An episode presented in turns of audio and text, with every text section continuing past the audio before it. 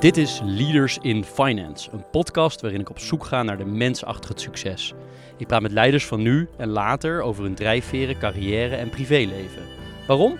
Omdat er meer gesproken moet worden in de financiële sector. Leaders in Finance wordt mede mogelijk gemaakt door Interim Valley, FG Lawyers en Biscuit. Welkom bij een nieuwe aflevering van Leaders in Finance. Leuk dat je luistert. Ik wil deze aflevering beginnen met een kleine oproep. Mocht je een specifieke vraag hebben voor onze gasten, zou je dan deze willen doorgeven aan ons via ons e-mailadres info at leadersinfinance.nl. Deze week hebben we te gast Katja Kok. Dat schrijf je Katja K-A-T-J-A en Kok K-O-K. Zij is CEO van Van Landschot Zwitserland. Welkom Katja. Dankjewel. Leuk dat we bij jou uh, op kantoor mogen zijn. Uh, helaas niet in Zwitserland, uh, want het blijft natuurlijk coronatijden. Wij zitten in een nou, nagenoeg leeg kantoor op, denk twee meter afstand. Dus wel voldoende aan alle regels. En ik vond het toch wel heel leuk dat we in persoon kunnen afspreken. Jammer dat we elkaar geen hand hebben kunnen geven, maar desalniettemin een stuk beter dan via de digitale route. Uh, voordat we uh, nou beginnen met, uh, met, met het gesprek met jou, denk ik dat het leuk is om wat achtergrond te geven van, jou, van jouw loopbaan. je studeerde economie en filosofie aan de Radboud Universiteit Nijmegen en begon alweer 23 jaar geleden je carrière in de financiële sector. Bij ABN AMRO vervulde jij diverse directiefuncties in het kantorennet, uh, in de strategie- en riskmanagement consultancyrollen en was je onder meer verantwoordelijk voor het hypotheekbedrijf en ook voor het fiscaal-juridisch kenniscentrum van de bank. En je werkte mee aan de oprichting van de afdeling Filantropie Advies. Eind 2012 maakte hij de overstap naar Van Landschot Bankiers om daar onder andere leiding te geven aan de kantoren Amsterdam en Haarlem. Daarna werkte hij als business director bij Van Landschot Kempen om vervolgens ongeveer twee jaar geleden de CEO-rol van Van Landschot in Zwitserland te gaan vervullen de functie die je op dit moment nog steeds hebt. Katja heeft allerlei nevenfuncties vervuld in de loop der jaren, zoals eh, bestuurslidmaatschappen van de stichting Bredero, van de World Trade Center Business Club en ook voorzitter van de stichting Steun Grachtenfestival. Op moment ben je nog lid van de Raad van Toezicht van Plan Nederland en het Nederlands Philharmonisch Orkest. Katja is 47 jaar oud, getrouwd en heeft vier kinderen en woont in vlakbij Zurich in Zwitserland en voordat ze naar Zwitserland vertrok, uh, woonde ze in Amsterdam. Nou, nogmaals, uh, welkom. Ik zou aan jou als, eigenlijk als eerste willen vragen, wat doet Van Landschot eigenlijk in Zwitserland precies? Nou, om te beginnen, we zijn nog de enige Nederlandse bank in Zwitserland. Dus het is best bijzonder dat wij daar nog zijn. Um, iedereen uh, weet wel van Zwitserland in het verleden, zwart geld. Maar die periode is echt al lang voorbij. En daarom zijn eigenlijk ook er nog maar heel weinig Nederlandse banken daar. Um, maar wij denken dat er nog steeds heel veel redenen zijn om daar een bank te hebben. Um, in Nederland zijn we gericht uh, als private bank op, op vermogende particulieren, ondernemers, families, verenigingen en stichtingen. En als je echt vermogend bent, zijn, ben je vaak ook internationaal georiënteerd. Of je woont in het buitenland, hebt ook een huis in het buitenland, of je onderneemt in het buitenland. Um, en dan is het prettig dat je ook in het buitenland kunt bankieren. En uh, in Nederland is steeds minder mogelijk wat dat betreft, met MIFID en uh, dergelijke. En via Zwitserland kunnen we dat allemaal wel faciliteren. Uh, plus dat er nog allerlei andere redenen zijn waarom je niet in Nederland zou kunnen of willen bankieren. Hè? Om privacy redenen of je wil een rekening buiten de EU. Je wil fysiek goud, uh, noem maar. Ik kan wel twintig dingen opnoemen. Dus um, om die reden. En we hebben daar genoeg te doen. En zijn jullie klanten nou alleen maar Nederlanders en Belgen? Um, nou, we richten ons wel echt op Nederlanders en uh, Belgen. Dat is ook gewoon ons DNA. Hè. Daar zit ons netwerk, daar, we spreken die taal. Um, denk, als ik zeg 90% van onze klanten zijn Nederlanders en Belgen. Ja. Maar als ik een vermogende Zwitser ben, dan kan ik ook bij jou bankieren? Het kan wel, ja. Uh, waarom zou je het doen? Hè? Want er zijn heel veel Zwitserse private, uh, private banks. Maar het kan wel. Wij zijn volledig vergund, dus we kunnen alles. En is het belangrijk voor deze, eh, voor deze groep klanten dat ze persoonlijk contact met jullie hebben? Ja, dat denk ik wel. Ja. Um, het is wel ook echt een van de pijlers van onze dienstverlening. Ehm, private banking. Ik, ik, heb een paar van je andere podcasts geluisterd en dat vond ik wel grappig, want uh, die zijn allemaal best vernieuwend bezig en die maken gebruik van uh, moderne technologie en dergelijke niches eigenlijk. We zijn in zekere zin ook wel een niche, maar meer heel conservatief. ik heb ook voor onze strategie voor de komende jaren uh, hebben we Jeff Bezos' quote erbij gehaald van um, if you want to be successful in 10 years time, focus on the things that don't change. En um, wat is voor klanten belangrijk? Hè? Een reden om nu bij ons te bankieren. En is dat nog steeds zo over tien jaar? En dan is persoonlijke aandacht echt, denk ik, op stip, met stip op nummer één. Een van de belangrijkste dingen. Betrouwbaarheid, uh, goede oplossingen voor je, voor je financiële issues, problemen. Um, goede service, dat soort zaken. Dat is echt uh, ja, de core van onze dienstverlening. Ja. Hoe groot is die markt eigenlijk voor jullie? Heb je daar een beeld bij? Uh, potentieel hoeveel klanten die zou kunnen hebben? Hoeveel Nederlanders wonen überhaupt in Zwitserland? Of? Uh, er wonen veel Nederlanders in Zwitserland. En de meesten die daar wonen of ook een huis hebben, zijn ook echt vermogend. Dus onze doelgroep zijn particulieren met een vermogen van minstens 1 miljoen. Dus best behoorlijk veel geld. in, in Zwitserland, ja, we, kunnen, we willen verdubbelen in twee jaar tijd ongeveer. En dat is makkelijk mogelijk. Dus voorlopig is er nog geen reden om uit te breiden naar een andere geografie. Er zijn genoeg Nederlanders en Belgen die, die wij nog kunnen gaan bedienen. Nou, het is duidelijk dat het hele vermogende mensen zijn. Het zijn denk ik ook vaak bekende mensen, of semi-bekende, of ex-ondernemers vaak, kan me zo voorstellen. Mhm. Hoe, uh, waar ik zo nieuwsgierig naar ben, is hoe um, zorg je ervoor dat al die privacy gewaarborgd blijft? Want dit, jullie weten natuurlijk ongelooflijk veel van een hele rijke groep Nederlanders en Belgen. Dus hoe, hoe, doe je dat uh, in je organisatie? Ja, daar zijn we echt helemaal van doordrongen. Hè? Privacy is echt de de kern, echt. Uh, dat is de basis van het Zwitserse private banking eigenlijk. Hè. We hebben nog steeds bankgeheim. Dat is niet meer om het zwart geld te verdoezelen of zo, maar um, zoals je hier in Nederland in de quote staat en uh, alles bij de Kamer van Koophandel en het kadaster opgevraagd kan worden. Als je rekening hebt in Zwitserland is dat heel anders. We geven alleen door aan de Belastingdienst en that's it. Dus voor de rest geldt bankgeheim. We uh, brengen ook geen klantgegevens in de cloud. Niks. We zitten dus ook niet op de Nederlandse systemen. We brengen geen klantgegevens over de grens heen. Dus als we klanten in het buitenland bezoeken of in Nederland, dan hebben we, nemen we niets mee. Uh, veiligheid, uh, ook digitaal, is echt cruciaal. Dus daar, daar besteden we heel veel uh, tijd en geld aan. Um, ja. En hoe kom je aan nieuwe klanten? Oh, even kijken. Nou, um, een belangrijke bron zijn bestaande klanten. We krijgen heel veel introducties via bestaande klanten. We hebben ook uh, hele goede contacten met het intermediaire netwerk. Dus financieel adviseurs, fiscalisten, trustkantoren ook. Um, als er internationale structuren helemaal niet meer zo in hè, sinds de Panama, Panama, Papers en dergelijke, maar een, een, normale fiscale structuur bestaat nog steeds.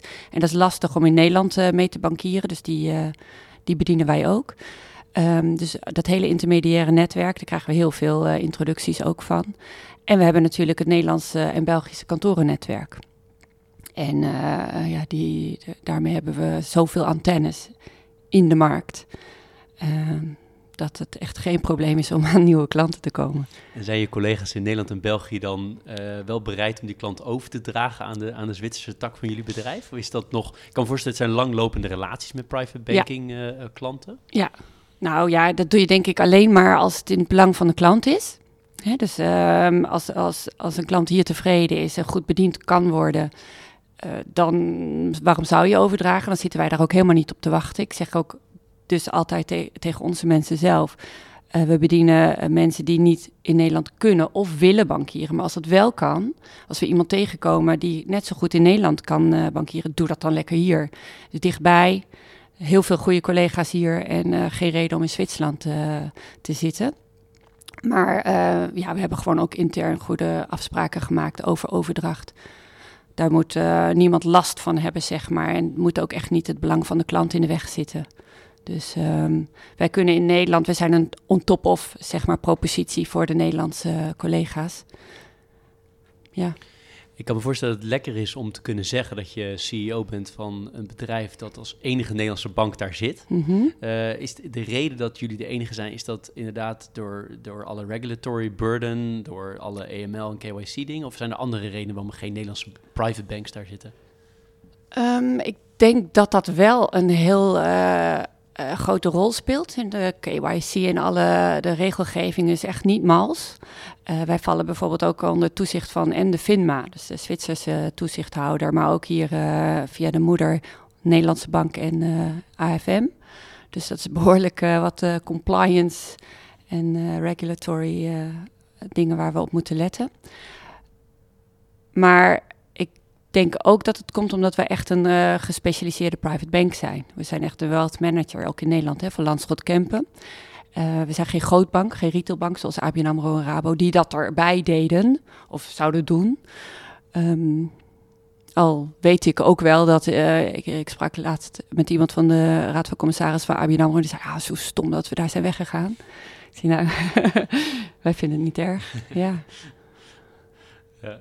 Wat is die, um, is die, die uh, regulatory kant? Is dat inderdaad alsmaar aan het toenemen of is het nu een soort van een plafond bereikt? Nee, dat geloof ik niet. Uh, helaas. Uh, nou, helaas, weet je, het is ook de dingen die ik net noemde. Wat, zijn, wat is belangrijk in onze dienstverlening? Betrouwbaarheid, reliability, gewoon de privacy, dat soort zaken. Heel belangrijk. En doordat we dus zo gedwongen zijn om echt te weten wie, wie ben jij als klant, uh, waar komt je vermogen vandaan, doe je geen rare dingen, um, hebben we onze risicomanagement zo goed op orde en weten we zo goed wie we in de boeken hebben en, en gebeuren er echt geen gekke dingen. Dat is ook fijn voor de klant. Maar het is wel heel veel. Het is echt veel. Ja, ik kan me voorstellen, zeker omdat je een relatief kleine organisatie bent versus zeg maar de, bijvoorbeeld de retailbank ja. van ABN AMRO of zo, waar, waar duizenden mensen werken. Want um, ik was ook benieuwd naar jouw uh, medewerkers, jouw collega's. Mhm. Is het moeilijk om aan die mensen te komen? Want je wil en iemand die Nederlands spreekt en dus daar woont en dan ook nog veel ervaring heeft met private banking. Je wil niet te junior mensen hebben waarschijnlijk die spreken met jullie vermogende klanten. Ja, ja nou we hebben uh, natuurlijk... Um de wealth managers, die spreken met klanten en de beleggingsspecialisten. we hebben ook een back-office en dergelijke. Dus we hebben nu een mix. Uh, eigenlijk grotendeels is de back-office Zwitsers. En de front office Nederlands. En die hele mid heb ik echt, ben ik heel blij mee. Vijf, zes mensen nu uh, die beide zijn. Dus die, uh, die wonen bijvoorbeeld al twintig jaar in Zwitserland. Die spreken goed Zwitsers. Zwitser-Duits. Um, of ze, ze, hebben Nederlandse ouders, spreken goed Nederlands. Uh, nou, uh, een beetje die combi. En die slaan ook letterlijk de brug tussen voor en achter. Dus dat werkt ontzettend goed. We zijn toch één team. Um, maar het is best lastig om aan, aan goede mensen te komen, ja. Ook omdat um, van oudsher de bankers die in Zwitserland zijn gaan werken en wonen... het zijn toch een beetje diva's. Die, die zijn gewend ook eh, vanuit het zwart geld en uh, nu scheer ik iedereen over een kam. Hè? Dus dat bedoel ik niet zo. Maar uh, ik kan me er ook nog wel iets bij voorstellen. Je bent gewend gewoon aan een bepaalde manier van werken. Dat die, die portefeuille van klanten, dat was heel erg uh, vertrouwd. Die klanten wilden ook helemaal niet dat iemand wist dat ze daar bankierden. Dus dat was van jou als banker. En uh, dat, dat gaf jou ja, je baanzekerheid, zeg maar. Dat is voorbij. En die houding past ook helemaal niet bij ons. We zijn gewoon een Nederlandse bank. We zijn nuchter, we doen het samen. Uh, het is niet jouw klant. Die klant bankiert bij Van Landschot. Dus uh, we delen. Ik heb ook geen uh, individuele doelstellingen. We zijn een team.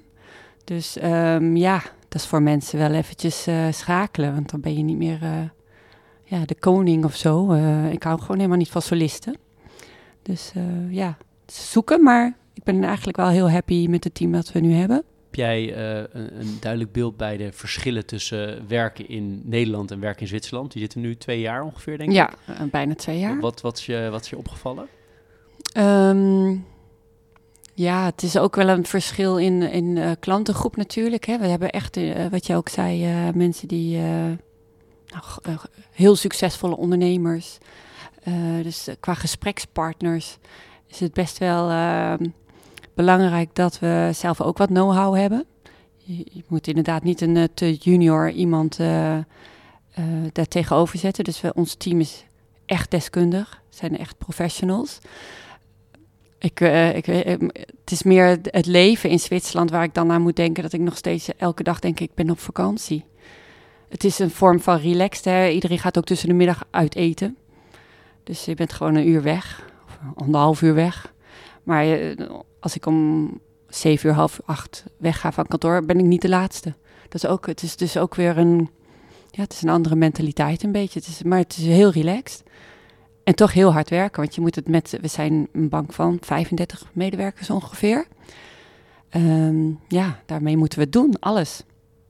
En reizen jullie ook veel of komen de klanten altijd naar jullie toe in, uh, in Zurich? Nee, we reizen veel. Nu even niet, hè? nee, dus ik ben ook wel heel benieuwd wat hiervan uh, blijft. Want uh, dat, dat reizen en het vliegen is natuurlijk waanzinnig slecht voor het milieu en het kost ook heel veel tijd. Aan de andere kant, het persoonlijk contact wat we al zeiden, is erg belangrijk. En um, we nemen ook altijd wel even de tijd voor een klant. Het is niet eventjes een half uurtje bijpraten en, en we zijn weer klaar. Um, dus we reizen veel en onze klanten zijn overal in de wereld. Maar uh, het kan denk ik wat efficiënter, zo direct. En daar, daar is deze periode vast goed voor. Hoe ben je, hoe ben je terechtgekomen op deze rol in Zwitserland? Hoe is dat gelopen? Oh, ik zeg tegen iedereen, uh, nou, ik deed, ik deed het leuk bij campen en toen werd ik weggestuurd. Maar ja, nee, ik ben ervoor gevraagd. En um, ik heb in het verleden bij ABN AMRO, hebben we op punt gestaan om naar Brazilië te gaan. En toen werd ABN AMRO overgenomen door dat bankentrio in plaats van Barclays. Dus dat, dat verhaal ging toen niet door. En toen heb ik het geparkeerd, want Van is niet een internationale bank. Het enige buitenland dat we hebben is Zwitserland. Dus dat dan die ene positie voor mij zou zijn, dat had ik zelf niet zo bedacht. Um, maar toen ze het voorstelden of vroegen en ik het thuis noemde, dan uh, dacht ik, why not? Ja, het is toch wel eigenlijk de coolste baan van de bank. Dus het was meteen ja? Ja, eigenlijk wel. kan je iets vertellen over, uh, wat, wat uh, harde shift altijd, maar over hoe je bent opgegroeid?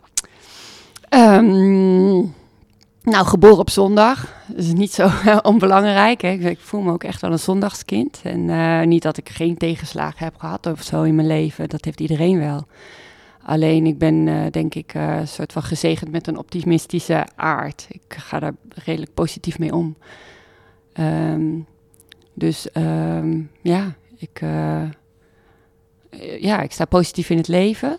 Um, een jonge zusje, drie jaar jonger dan ik. En ja, en mijn ouders die zijn nog steeds bij elkaar. Dus dat is eigenlijk allemaal uh, soepel. Ik, ik, hoorde in je vorige podcast vraag je vaak van, uh, was het een competitief gezin? En nou, absoluut niet. Integendeel eigenlijk. Ik ben een beetje de vreemde eend in de bijt. Altijd heel gedreven geweest op een of andere manier. Um, maar de, vanuit mijn ouders uh, lag er helemaal geen nadruk op um, schoolresultaten of dat ik ergens in zou moeten uitblinken of wat dan ook. Uh, maar ze gaven me wel alle ruimte om dat te doen als ik dat wilde. En um, ja, dat wilde ik wel. wel op een of andere manier deed ik altijd mijn best op school. En, ik vind het wel leuk dat je vragen beantwoordt uit andere afleveringen. Ja, oh, sorry. Ja, nee, nee, dat is leuk. Wilde je eigenlijk heel andere dingen Want ik stel namelijk ook altijd bijvoorbeeld of het, uh, of het ondernemend was. Oh ja, nee, helemaal niet. Nee, mijn moeder die, uh, die uh, zat in de politiek. is lang wethouder geweest en mijn vader meer in het onderwijs. Um, dus een beetje meer ambtenarenachtig, politiek. Zo ja, dan ben ik misschien daardoor uh, ook wel vrij wars van. ja, dus daar, daar, heb ik niks mee. Heb je bepaalde normen en waarden meegekregen die, uh, waar je nog vaak aan denkt, nu in je huidige werk of in je eigen manier van opvoeden? Um, ja, uh, nou ik herinner me bijvoorbeeld, hè, de, wat ik zei, ik was behoorlijk gedreven. De, maar dat mijn vader dan wel eens zei, ik had op de middelbare school, er was ook iets raars en met bonusvragen en zo, dan had ik een 11 op mijn rapport voor Frans of zo. Ja, precies. Je kijkt zo inderdaad. Zo keek mijn vader ook. En die zei, nou, weet je, ik vind een 8 een mooier cijfer dan een 10. Want dat betekent dat je ook nog een beetje hebt genoten van het leven. En uh, ja, dat is waar. Dat, zo zie ik het eigenlijk zelf nu ook wel. En uh, perfectie, daar heb ik ook niet zoveel mee. Het is juist veel mooier als je ook ruimte laat voor nog een stukje verbetering of ruimte laat voor anderen. En dan is een 8 uh, een heel mooi cijfer. Maar toch vond ik het wel indrukwekkend, zoals ik in de inleiding zei, dat je en economie en filosofie hebt gestudeerd. Allebei niet per se Mhm. hele makkelijke studies. Hoe is dat dan? Er zit toch wel iets in dat je... Ja, ja nee, ik, ik bedoel, als ik ergens aan begin, dan doe ik dat niet om er middelmatig in te zijn of zo. Ik bedoel, ja, dan, en, maar ik doe het wel omdat ik het wil en omdat ik het leuk vind. Ehm, ja, zo, zo, kom, zo rol ik. Ik heb ook de balletacademie gedaan eh, als een soort uit de hand gelopen hobby of zo. Eh, of klaverjaskampioen geweest. De eh, balletacademie heb je ook echt Ja. helemaal afgerond? nou, nee, ver- nee, niet de vakopleiding, maar wel de vooropleiding, ja. Wauw. En waarom economie en filosofie? Ehm, nou, ik, ik was dus vrij jong moeder. En ehm, ik was ook al vrij jong bij mijn man, hè, Paul. Ehm, dus eh, ik wilde een studie doen in de buurt. En ik woonde in Arnhem. Dus ik had me ingeschreven voor de kunstacademie. En toen dacht ik, ja, maar ik wil toch eigenlijk later wel een baan. dus heel praktisch economie. En later pas, toen ik eh 30 was... eh, en mijn vader ging met pensioen. En toen ehm, kreeg ik vanuit IBN AMRO aangeboden om een studie te gaan doen. Register accountancy of zo. En toen dacht ik, ja, als ik dan een studie ga doen, waarom zou ik dan niet iets doen wat ik leuk vind? En ik vond Latijn en Grieks op de middelbare school eh, leuk.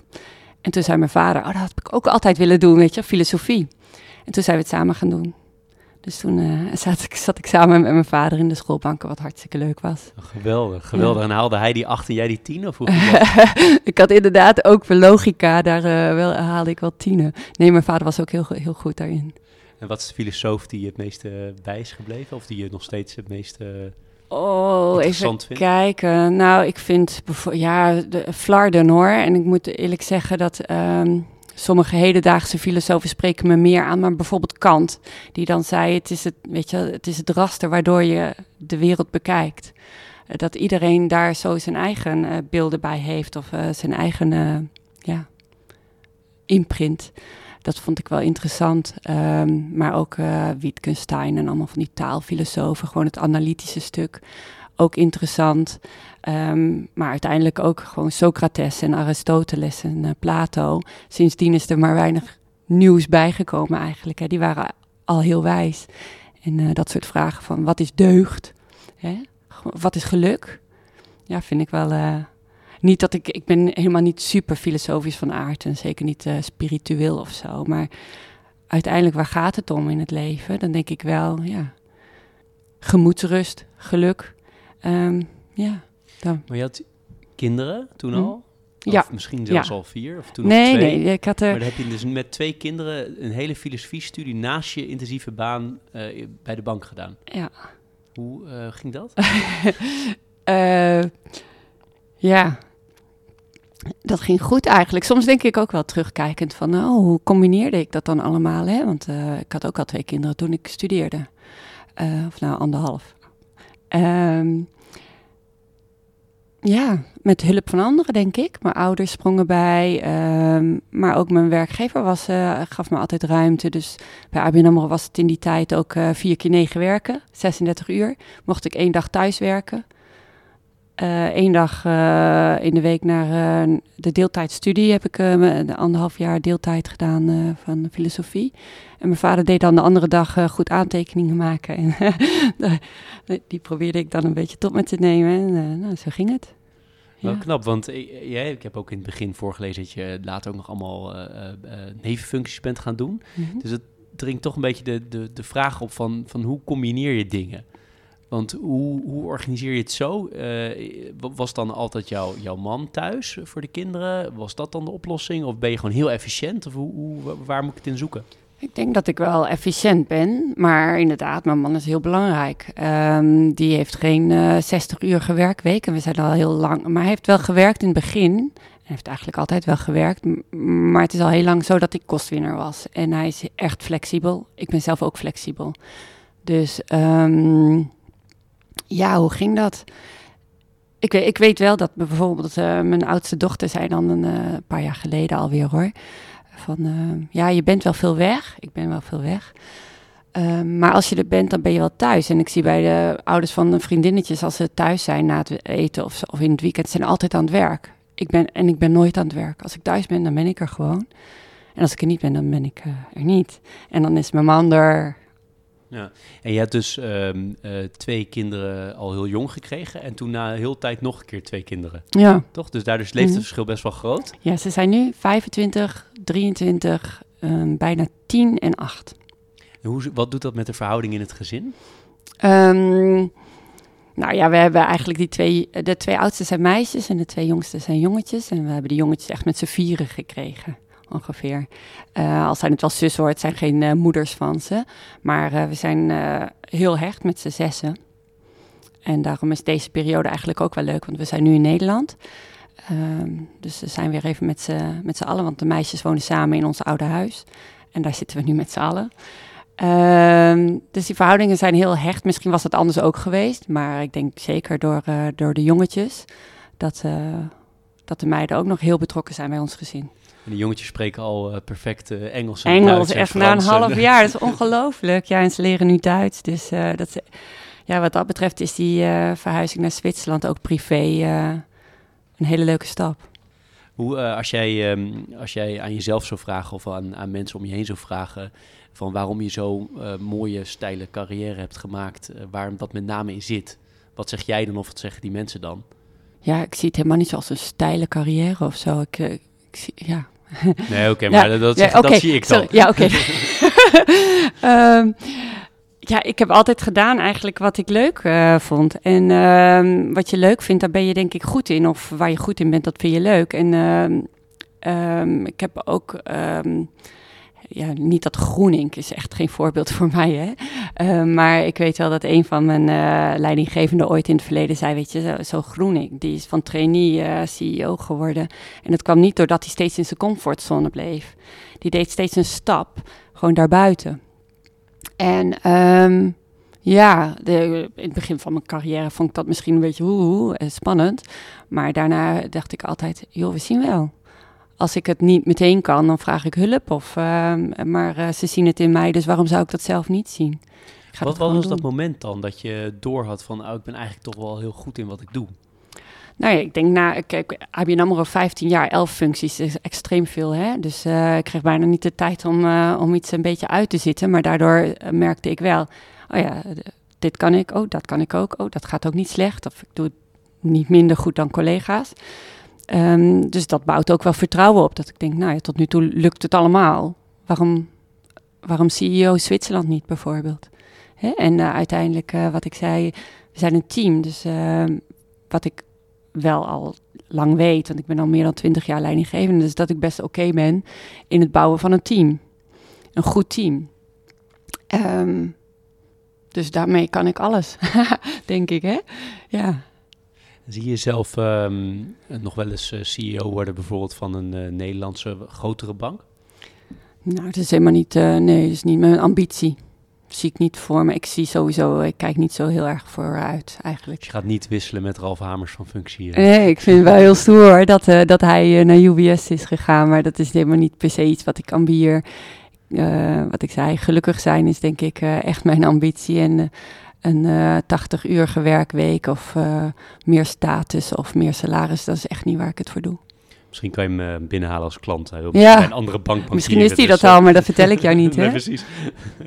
Heel goed. Uh, heb je in, die, in, die, um, in die, die loopbaan tot nu toe mensen gehad die jou echt enorm hebben gemotiveerd of gestimuleerd? Of waar je vaak aan terugdenkt hoe zij het deden? Misschien zonder namen te noemen, maar meer beschrijven wat voor mensen dat waren? Binnen de bankwereld.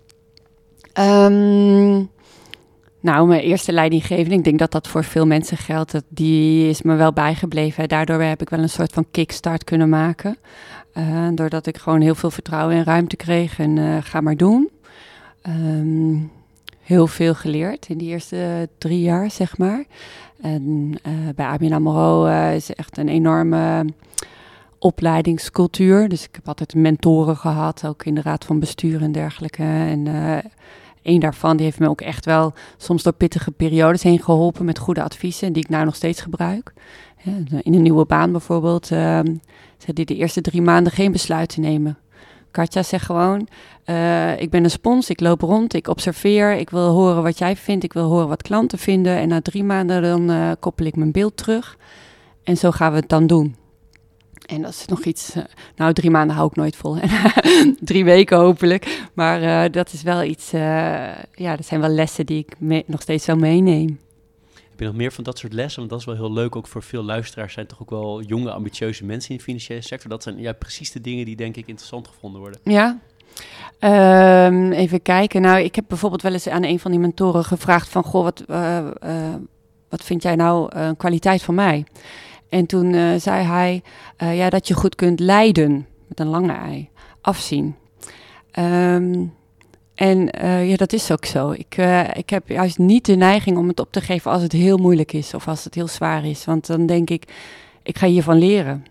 En dat is denk ik ook echt wel zo geweest in mijn carrière. De, de leidinggevende, waar ik bijvoorbeeld echt bloed onder mijn nagels, waar ik echt uh, ongelukkig van werd.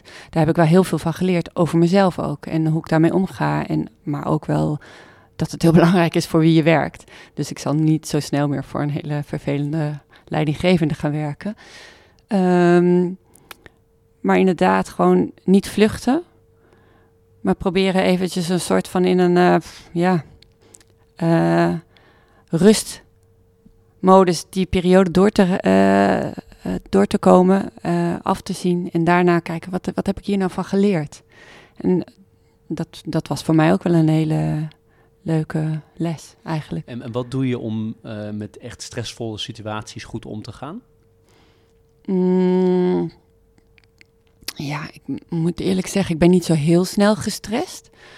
Um, maar ik heb net, net we zijn net uh, door een beetje een moeilijke periode heen gegaan. Uh, nu in Zwitserland, er speelde iets wat er verder ook niet toe doet. Maar dat, dat was wel pittig voor ons, zeg maar, als team, als managementteam. En um, daar had ik wel stress van.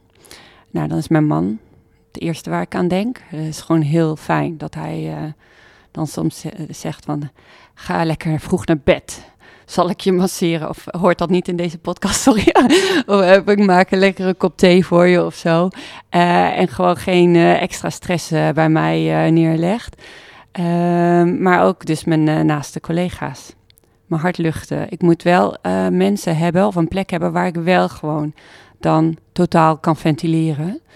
En um, ja, wat ik zei, ik sport niet. Ik heb echt een hekel aan sport, dus daar, daar heb ik geen uitlaatklep. Um, nou, ook wel gewoon de lange termijn voor ogen houden. Dit gaat voorbij. Dus um, ja, ik ga hiervan leren. Dit gaat voorbij. En daarna, na regen komt zonneschijn. Dit komt ook weer goed. Dat is eigenlijk altijd wel wat ik zo voel. En uh, waardoor ik uh, stress ook wel uh, even kan hebben. Heb je in, je, in die leidinggevende tijd, je zegt ik geef al zo lang leiding, heb je vaak burn-outs gezien? Um, ja, uh, regelmatig. Ik moet eerlijk zeggen, niet zo heel vaak in mijn eigen teams heel dichtbij. Maar uh, ja, natuurlijk om me heen in de financiële sector. Kijk, het is ook een sector die krimpt en uh, waar baanonzekerheid uh, is en dergelijke. Um, maar mijn ervaring is ook wel een beetje dat burn-outs nooit alleen maar door werk komen. Dus we spelen meestal meerdere dingen. En er zijn toch ook wel heel veel mensen ja, die, uh, die het thuis lastig hebben of qua gezondheid lastig hebben. En uh, ja, als dan dingen bij elkaar komen. Ja, ik heb ook Jan-Peter Smitman is mijn leidinggevende geweest. Ik heb ook, en ook, maar ook vriendinnen van de lagere school en of de middelbare school. Um, het kan met iedereen misgaan ik veroordeel dat helemaal niet of zo. Ik heb dat gewoon zien gebeuren bij mensen dat ik denk, ja, er was niks, in mijn ogen niks mee aan de hand of zo. En opeens kan er iets knappen blijkbaar. Of iets kan te veel worden en dan uh, ja, gaat het mis. Nou, dan heb ik het over extreme situaties. Maar ja, burn-out is ook zoiets, hè? Ja, oh ja. niet weten, mm -hmm. Schmieman is topmanagement van ABN AMRO... en die heeft toen uiteindelijk zelfmoord gepleegd, als mm -hmm. het goed, uh, goed zeg. Ja. Dat is inderdaad wel ja, extreem. Ja. ja. En hij nam zijn vrouw en zijn dochter mee. Ja, dat is extreem.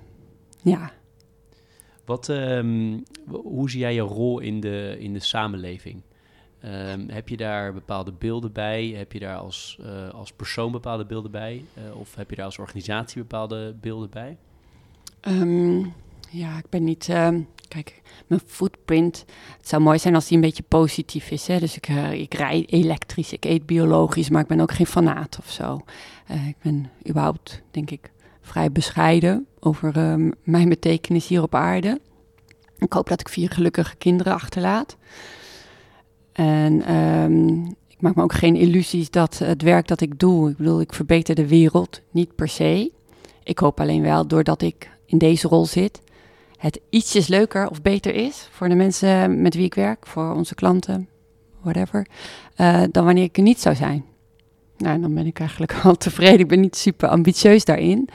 Ehm, als ik echt de wereld had willen verbeteren, dan eh, had ik een andere baan gezocht. Maar eh, wie weet, ooit. Maar als je het hebt over inspirerende mensen of zo, die iets voor mij betekenen, wat me dan bijvoorbeeld aanspreekt, is zo'n Bill Gates. Hè, die dan enorm, maar ook dichterbij. Boudewijn Poelman van de Postcode Loterij.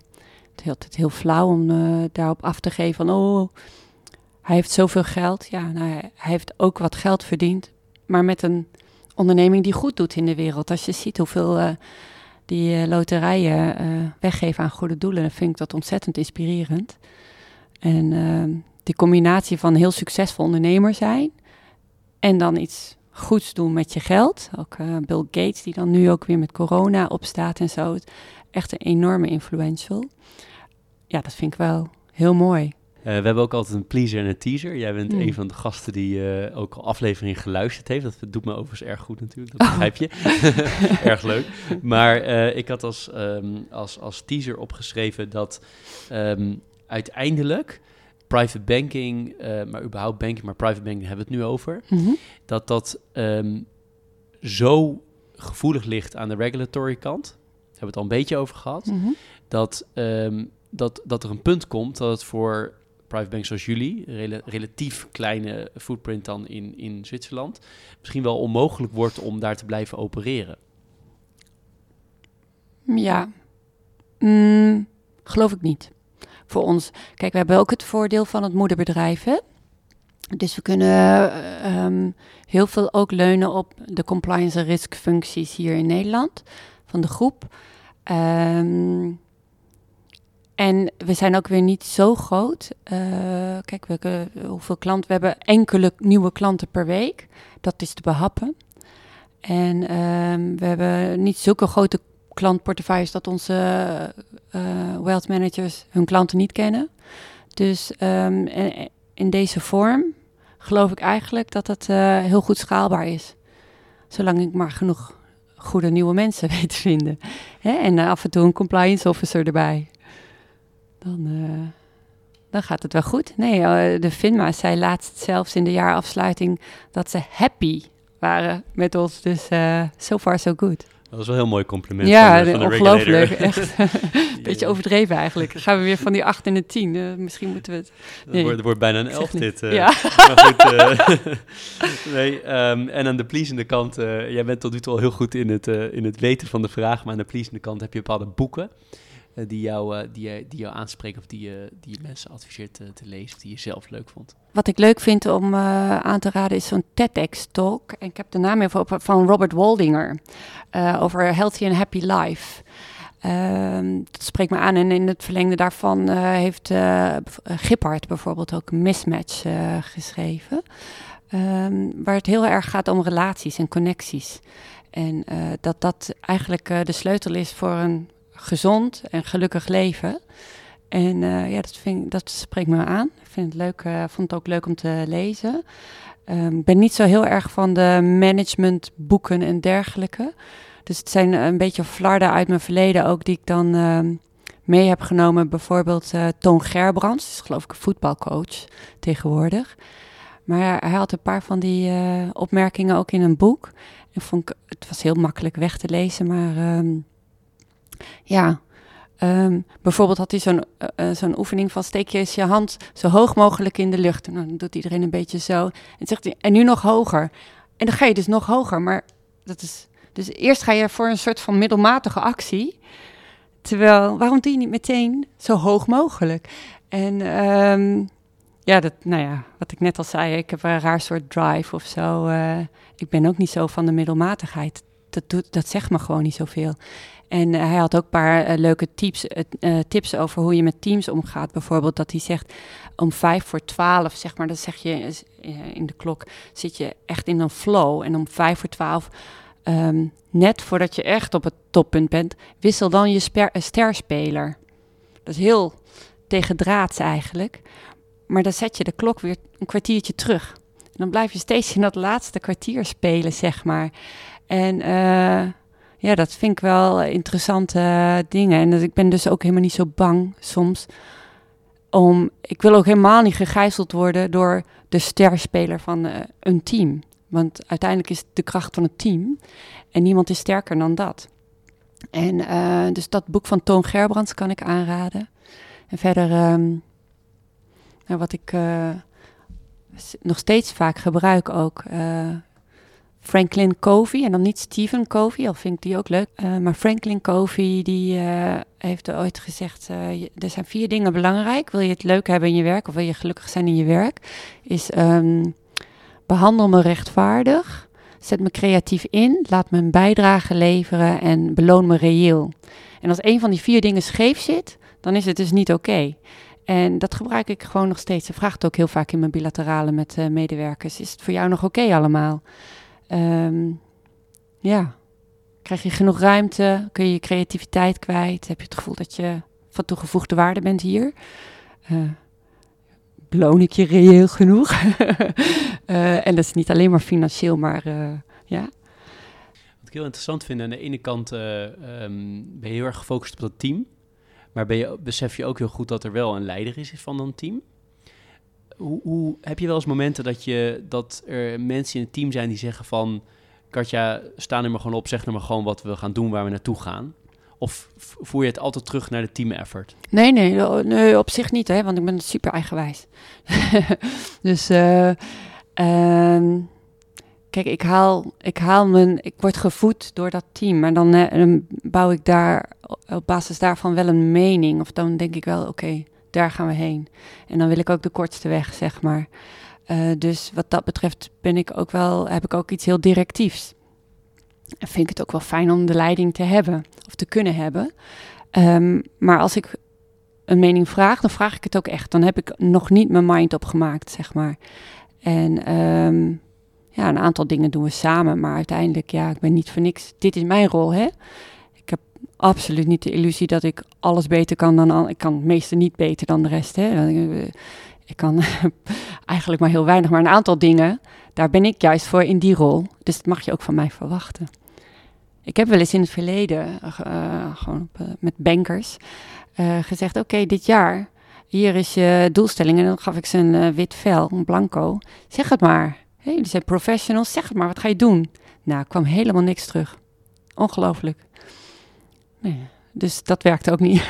nee, ergens willen mensen dan toch ook. Nee, jij moet het zeggen. Wat gaan we doen? Sporten, geef jij jezelf een blanco vel? Uh, van, van ik, ik gedij het best bij een blanco vel. Ik vind het eigenlijk me eer te na dat ik een leidinggevende zou moeten hebben die mij vertelt wat ik moet doen. Ja. Ik kan me voorstellen dat je in de huidige rol veel vrijheid hebt om je eigen ja. bedrijf te runnen. Het is mijn eerste keer zonder uh, eigenlijk echte leidinggevende, hè? ik heb een raad van commissarissen, maar geen... Nee, maar daar de, de, de raad van bestuur van Van Landschot Kempen in zit? Ja, twee, uh, twee van de raad van bestuur van uh, Van Landschot Kempen en een Zwitserse commissaris, ja. Je was heel expliciet over ehm, dat je niet sportte. Dat ja. vond ik al interessant te horen. de meeste mensen zeggen, nou, marathon hier, dat ja. dat. maar hoe zorg je dat je fysiek fit, fit blijft? En mentaal. Maar fysiek. fysiek nu vooral. Uh, ja, nou, ik beweeg wel. Ik geloof wel in bewegen. Ik geloof alleen niet in excessief uh, bewegen. Ik denk gewoon helemaal niet dat het gezond is. En um, zeker niet, en dat wil je niet beledigen hoor, maar uh, mannen op een gegeven moment, op een bepaalde leeftijd, die nog steeds denken dat ze een Adonis zijn of zo, of een jonge sportgod zijn ziekteverzuim nummer één, hè? Sporten bij mannen. Dus uh, ik ben er ook zakelijk gezien helemaal geen fan van. Uh, nee, ja, ik beweeg wel, dus ik probeer zo. En dat past ook weer bij het persoonlijk contact hebben. Ik loop de trappen op en af de hele dag door. Ik bel niet, ik mail niet. niet of ja, natuurlijk doe ik dat wel, maar zo min mogelijk. Als het even kan, dan uh, beweeg ik naar je toe. Tot op twee meter afstand. Mooi. Ik uh, durf vanaf nu nooit meer tegen iemand te zeggen dat ik marathons loop. Nou ja, ja. ziekteverzuim nummer één. Zolang jij gewoon ja, nee. ongeblesseerd blijft. Um, ik wilde jou tot slot vragen, zijn er nog dingen waarvan je zegt dat dat had ik graag willen vertellen of dat had ik graag willen zeggen, maar daar heb je helemaal niks over gevraagd? Nee, ik kan zo even niks bedenken. Dan wil ik je heel hartelijk danken voor een ontzettend leuk gesprek. Een surreal setting hier, nagenoeg alleen in het kantoor in, uh, aan de Apollo-laan van, uh, van Landschot. Heel erg bedankt. Jij uh, Hartstikke leuk. Leuke, leuke openheid over alle verschillende onderwerpen. Ehm, echt heel erg benieuwd wat jij gaat doen in de toekomst ook. Ja, ik ook. wellicht zitten we nog een keer tegenover elkaar over een paar jaar als jij ehm, nou, wellicht dit nog doet of weer, weer iets anders. Maar nogmaals, heel hartelijk dank. Dankjewel, jij ook.